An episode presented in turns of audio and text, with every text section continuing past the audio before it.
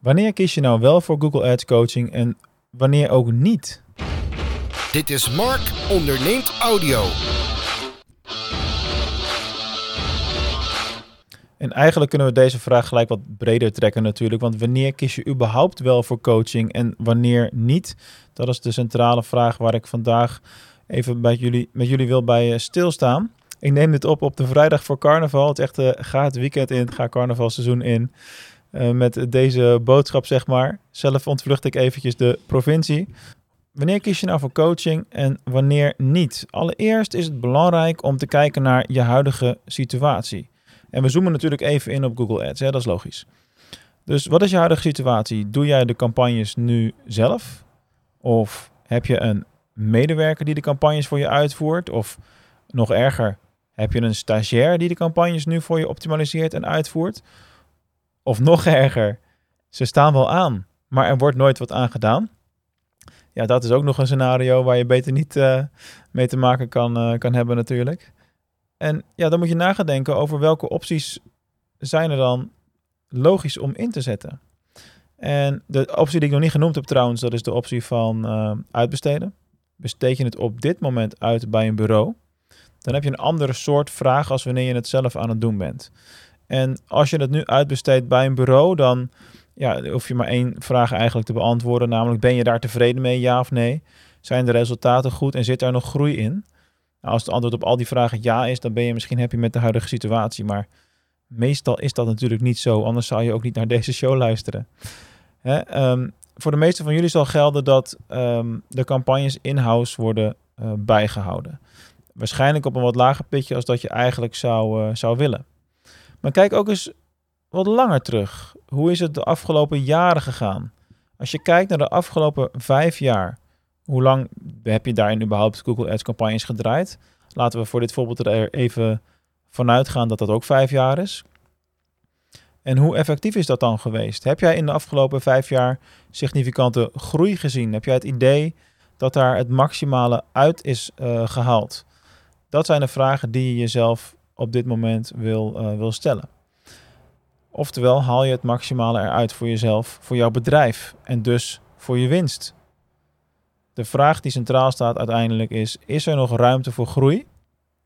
Nou, meestal is het antwoord ja. Niet altijd, dat moet ik heel eerlijk zeggen. Soms zijn accounts natuurlijk gewoon perfect ingericht, wordt het maximale eruit gehaald en is er gewoon niet iets wat je verder kan verbeteren. Maar ja, dat komt misschien 1 op de 25 keer voor als ik een account op voorhand mag bekijken, zeg maar.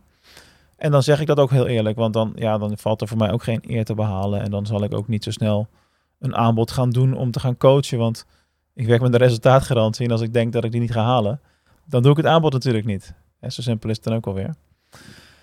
Um, dus de vraag is, is die ruimte er nog wel? En uh, hoe wil je het dan uiteindelijk gaan doen? Hè? Dus de, als de vraag met ja is beantwoord, hè, we, nou, we doen het nu zelf of we besteden het nu uit, maar we hebben het idee dat er meer te halen valt.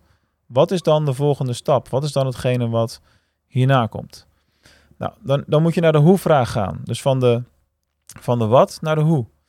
En de hoe-vraag is natuurlijk: um, hoe, hoe kun je het nu het beste gaan aanpakken? Wat past bij jouw organisatie? Nou heb ik toch een wat en een hoe-vraag, maar het maakt niet uit voor het voorbeeld. Het is bijna weekend, hè? Dus de scherpte gaat er een beetje vanaf hier. Anyway, um, wat past goed bij je? Kijk, als je het nu intern doet en je, hebt, uh, je doet het of zelf, dan moet je de vragen stellen: wil jij het altijd zelf blijven doen? Of, um, want, want jij bent ook uiteindelijk misschien wel de ondernemer. Maar als je de marketingmanager bent en je luistert hiernaar, dan, ja, dan blijf je het zeker weten zelf doen. En dan moet je misschien nog even aan, aan je baas vragen om, om deze trainingen te kunnen gaan uh, kopen. Want uh, dat is dan ook in zijn belang. En dat is waar het naartoe gaat natuurlijk. En dus de vraag is, als je het zelf blijft doen, is het dan verstandig om dat zonder begeleiding te doen? Ja, het antwoord zit al opgesloten in de vraag. Hè? Ik ben zelf een business coach. High-end, Google Ads, ik lever een resultaat. Ik huur zelf ook een business coach in, die ik ook flink bedrag per maand betaal, om mij weer te coachen, om mij naar het volgende niveau te brengen. Want ik mag dan wel een business coach zijn, maar ik ben absoluut nog niet uitgeleerd. Dat ben je nooit. Dus ook als coach laat ik mij coachen. Dus ook jij als marketing professional of als ondernemer die ook wel eens Google Ads campagnes draait, je zou je altijd moeten laten coachen. Als je het zelf wil blijven doen. Dat is daar natuurlijk het hele essentiële. Dus als jij ervoor kiest om de kennis in huis te houden. Hè, dus wil jij de kennis in huis houden? Dat is de vraag die je hier uiteindelijk kunt, uh, kunt stellen. En natuurlijk is er ook een ander scenario denkbaar. Bijvoorbeeld, je doet het nu in huis, maar eigenlijk ja, telkens wisselingen in personeel. Mensen blijven niet lang, gaan eerder weg, noem maar op. Of je wil het niet meer zelf doen, want het verandert de hele tijd en je weet op een gegeven moment ook niet meer wat het beste werkt. Dan wil je het misschien over de schutting gooien. Ja, dat kan natuurlijk ook. Daarvoor moet je niet bij mijn coaching tak zijn, maar daarvoor kun je wel naar DGOC zoekmachine marketing via www.dgoc.nl.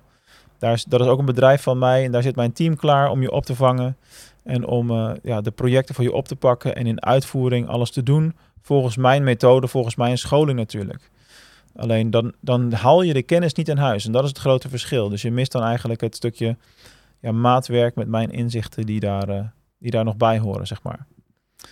Dus nu, welke keuze past voor jou het beste? Wanneer kies je voor coaching en wanneer niet?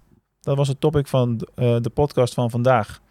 Je kiest voor coaching. In mijn optiek zou je voor coaching moeten kiezen als je de kennis in huis wil hebben, gedocumenteerd, onder strakke, goede begeleiding. Iets waar je ook na een jaar zelf weer mee aan de slag kunt gaan, waar je daarna je eigen plan in kunt trekken en waardoor je uiteindelijk een veel hoger rendement uit je, Google Ads campagne zult gaan halen. En ook een onvergelijkbaar veel hoger rendement, omdat je heel veel aandacht van mij gaat krijgen. Um, ja, heel veel aandacht. Wat nodig is om het resultaat te halen en meer. Dat is een beetje hoe ik het, uh, hoe ik het altijd bekijk. Veel is altijd relatief, hè? Zo'n waardeoordeel eigenlijk. Maar goed, dat is wanneer je wel voor coaching kiest. Je kiest er niet voor als je het simpel wil houden. Of als je misschien een wat kleinschaliger bedrijf hebt en de campagnes nog uh, bescheiden zijn. Laten we zeggen, je hebt een webwinkel of een bedrijf met omzet tot 2,5 ton. Dan is Done for You waarschijnlijk een betere optie. Maar zit je daarboven, wil je naar de 3 ton 5 ton, 1 miljoen of meer, dan is de coaching de hardste klap die je kan geven op de volgende stappen in jouw succes. Daar mag je het mee doen voor deze week. Ik wens jullie een fijn weekend. Mocht je nu op vrijdag nog luisteren en anders hoor je dit misschien pas volgende week. En dan fantaseer me vast over het weekend daarna. Het is wat het is.